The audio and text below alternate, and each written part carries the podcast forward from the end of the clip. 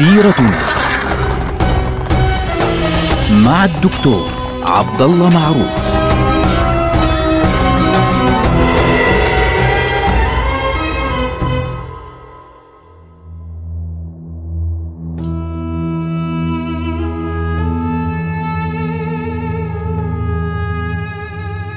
السلام عليكم ورحمة الله وبركاته. سيرتنا سيرة هذه الأمة التي تبدأ من المؤسس رسول الله صلى الله عليه وسلم. رسول الله صلى الله عليه وسلم في العام العاشر للبعثة مر بأسوأ أيام حياته. توفيت السيدة خديجة رضي الله عنها، كان عمرها 65 سنة عندما توفيت. والنبي صلى الله عليه وسلم صار يدخل بيته لم يكن يرى أو يشهد هذا الدفء في البيت يعني بعد أن عاش فيه ربع قرن كامل 25 سنة وهو معها عليه الصلاة والسلام وبعد ذلك توفي عمه أبو طالب واللي زاد الطين بلة على النبي صلى الله عليه وسلم أنه عمه أبو طالب لم يمت على الإيمان ولا على الإسلام. لما بدأ يحتضر جاءه النبي صلى الله عليه وسلم وقال له يا عم كل كلمة كل كلمة. طبعا هو وجاء سادة قريش كمان هذا يعني سيد من السادات واقفين معه. فالنبي صلى الله عليه وسلم يقول له يا عم كل كلمة قل لا إله إلا الله كلمة أحاجج لك بها عند الله. فهذول سمعوا النبي صلى الله عليه وسلم بيقول هيك فقالوا له يا أبا طالب أترغب عن ملة آبائك والأشياخ عبد المطلب وهاشم؟ إيه يا فضيحة الفضائح شو تقول عنك العرب؟ فما زالوا به والنبي صلى الله عليه وسلم يقول له ذلك حتى مات وهو يقول على ملة الأشياخ هاشم وعبد المطلب يعني على الشرك. فانكسر قلب النبي صلى الله عليه وسلم انكسارا شديدا. وليه لأنه خلاص شو بده يسوي؟ لا يستطيع أن يفعل له شيئا. واللي زاد الطين بل أنه قريش الآن لم تعد تحسب حساب أبي طالب لأنه مات. والنبي صلى الله عليه وسلم يقول والله ما نالت مني قريش شيئا أكرهه حتى مات أبو طالب. وبدأوا يؤذونه بأي شكل بكل الطرق. فعند ذلك اشتد الأمر على رسول الله صلى الله عليه وسلم وفقد الأمل في قريش. وصل لمرحلة فقدان الأمل النقطة اللي هي خلاص لا أستطيع هذه المدينة لن تسلم الآن. لذلك يجب أن أخرج إلى الخارج. فأول شيء فكر فيه النبي صلى الله عليه وسلم أقرب مدينة وهي المدينة الكبرى الثانية الطائف. على فكرة المدينة الكبرى الثانية كانت في الجزيرة العربية في ذلك أو في الحجاز تحديدا كانت الطائف لم تكن المدينة. المدينة اللي هي يثرب في ذلك الوقت كانت مدينة بسيطة جدا صغيرة. كانت الطائف يعني ثاني أكبر المدن العربية في الحجاز بعد مكة المكرمة. فخرج النبي صلى الله عليه وسلم إلى الطائف ومعه آه، زيد ابن حارثة اللي كان اسمه في ذلك الوقت زيد بن محمد ابن بالتبني. فلما خرج النبي صلى الله عليه وسلم ذهب إليهم فجلس آه، إلى سادة الطائف. طبعا بعد سنوات طويلة السيدة عائشة تسأل النبي صلى الله عليه وسلم هي أصعب يوم شافته كان يوم أحد؟ يعني هذا كان يوم صعب جدا. فتقول يا رسول الله أمر عليك يوم كان أشد عليك من يوم أحد؟ فقالها النبي صلى الله عليه وسلم يعني كلام جميل قالها لقد لقيت من قومك ما لقيت وكان أشد ما لقيت يوم عرضت نفسي على ابن عبد يليل بن عبد كلال. اللي هم الإخوة الثلاثة أبناء عبد يليل بن عبد كلال يقول فلم يجبني. طبعا هو بيتكلم عن السيد الأكبر منهم هم ثلاث إخوة. فيقول فمضيت هائما على وجهي. كلام صعب. النبي صلى الله عليه وسلم عرض نفسه عليهم فبدلا من أن يعني يردوه ردا جميلا. واحد منهم الكبير قال له أما وجد الله غيرك ليرسله. والثاني قال والله لئن كان الله قد أرسلك ليمرطن ثوب الكعبة. يعني أو لأمرطن ثوب الكعبة. يعني ثوب الكعبة بيستاهل شكون عليها لازم نمزعها. يعني شو الكلام الفاضي هيك يعني بين قوسين. والثالث قال له استهزاء يقول له أما أنا فوالله لا أكلمك. إن كنت نبيا فإنك أعظم من أن أكلمك. طبعا هذا استهزاء.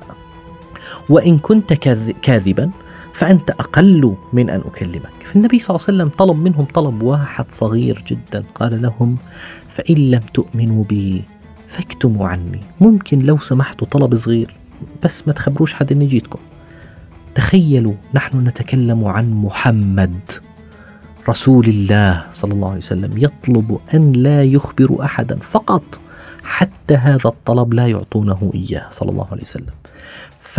فيخرج النبي صلى الله عليه وسلم وإذا بهم يغرون سفهاءهم وصبيانهم ومجانينهم بيرموا عليه الحجارة. فجأة النبي صلى الله عليه وسلم يجد الناس هاجمين عليه من كل مكان يرمون عليه الحجارة ويقولون كذاب دجال وهو يركض يعني بعيدا عنهم صار يبتعد عنهم بكل قوته وكل سرعته صلى الله عليه وسلم والدم ينزل من قدميه الشريفتين. أنت متخيل هذا المشهد؟ نحن نتكلم عن من؟ عن رسول الله اللي اليوم ملوك الأرض جبابرة كانوا أم يعني أم غير جبابرة بوقفوا أمام قبره باحترام غصب عن عينهم أمام قبره مكسور عينيهم أمام قبره بعد وفاته بألف وأربعمائة سنة بوقفوا قدامه باحترام رسول الله بينزل الدم من رجليه صلى الله عليه وسلم ولا يستطيع أن يفعل شيئا إلا أن يخرج ويهرب منهم ثم يجد بستانا فيدخل في هذا البستان فلما دخل فيه وإذا في هذا البستان مين؟ اثنين من أعداء أعدائه عتبة بن ربيعة وشيبة بن ربيعة من قريش. لكن عتبة وشيبة كان لهم بستان يعني كانت لهم بساتين عنب في ذلك الوقت في الطائف يعني هم على عادة الأرستقراطيين بين قوسين. فبالتالي رأوا من بعيد وإذا النبي صلى الله عليه وسلم جالس فلما شافوا هذا المشهد أوه انظر محمد. فطلعوا يعني حزنوا على مشهد النبي صلى الله عليه وسلم قالوا لا. طلع منظره كيف محزن.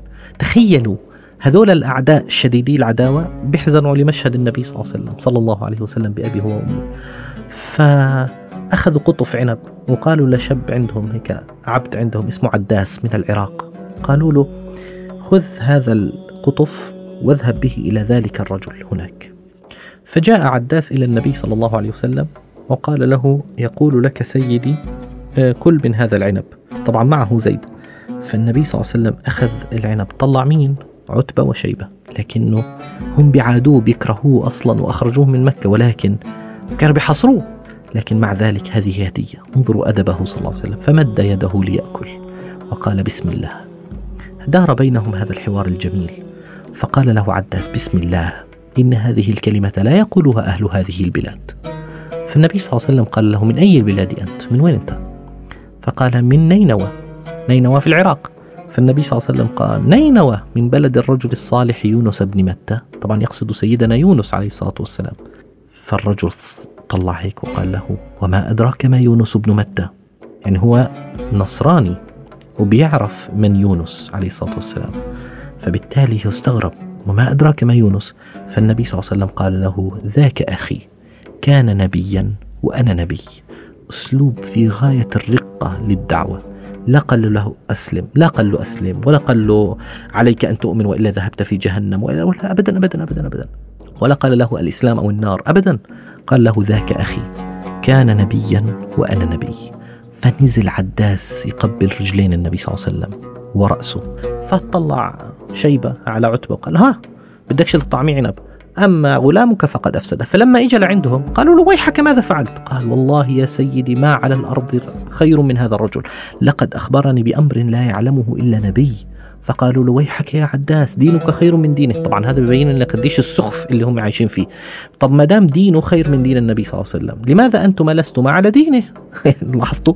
فالمبدأ النبي صلى الله عليه وسلم هنا لما وصل لنقطة ال يعني اللا عوده خلص لم يجد أمامه إلا أن يرفع يديه ويقدم شكوى إلى الله سبحانه وتعالى. دعاء يعني يكتب بماء الذهب. اللهم إني أشكو إليك ضعف قوتي وقلة حيلتي وهواني على الناس يا أرحم الراحمين. أنت رب المستضعفين وأنت ربي. إلى من تكلني؟ إلى بعيد يتجهمني أم إلى عدو ملكته أمري؟ إن لم يكن بك علي غضب فلا أبالي غير أن عافيتك هي أوسع لي. أعوذ بنور وجهك الذي أشرقت له الظلمات وصلح عليه أمر الدنيا والآخرة من أن ينزل بي غضبك أو يحل علي سخطك لك العتبى حتى ترضى. ولا حول ولا قوة إلا بك. لم نسمع في هذا الدعاء كلمة يا رب افعل يا رب لا تفعل يا رب أسألك كذا. هي شكوى. مفتاحه أشكو. والنبي صلى الله عليه وسلم خرج ومضى على وجهه. لا يعرف أين يذهب. فالنبي صلى الله عليه وسلم يقول للسيدة عائشة فمضيت هائما على وجهي حتى فما استفقت إلا وأنا بقرن المنازل بعيد كيلومترات طويلة. فإذا جبريل يأتي لرسول الله صلى الله عليه وسلم يقول له يا رسول الله إن الله قد سمع قولك وأرسل ملك الجبال.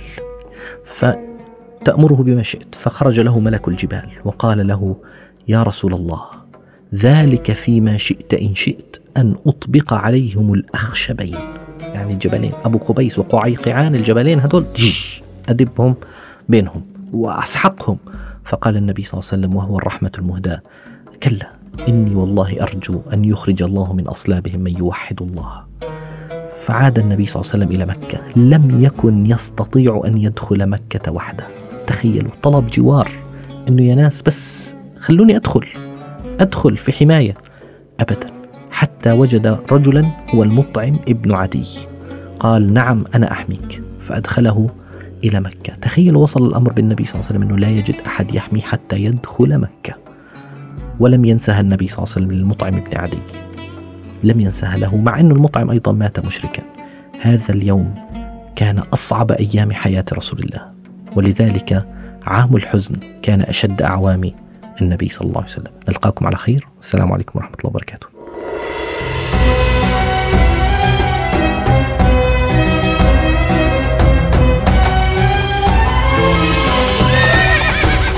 سيرتنا مع الدكتور عبد الله معروف.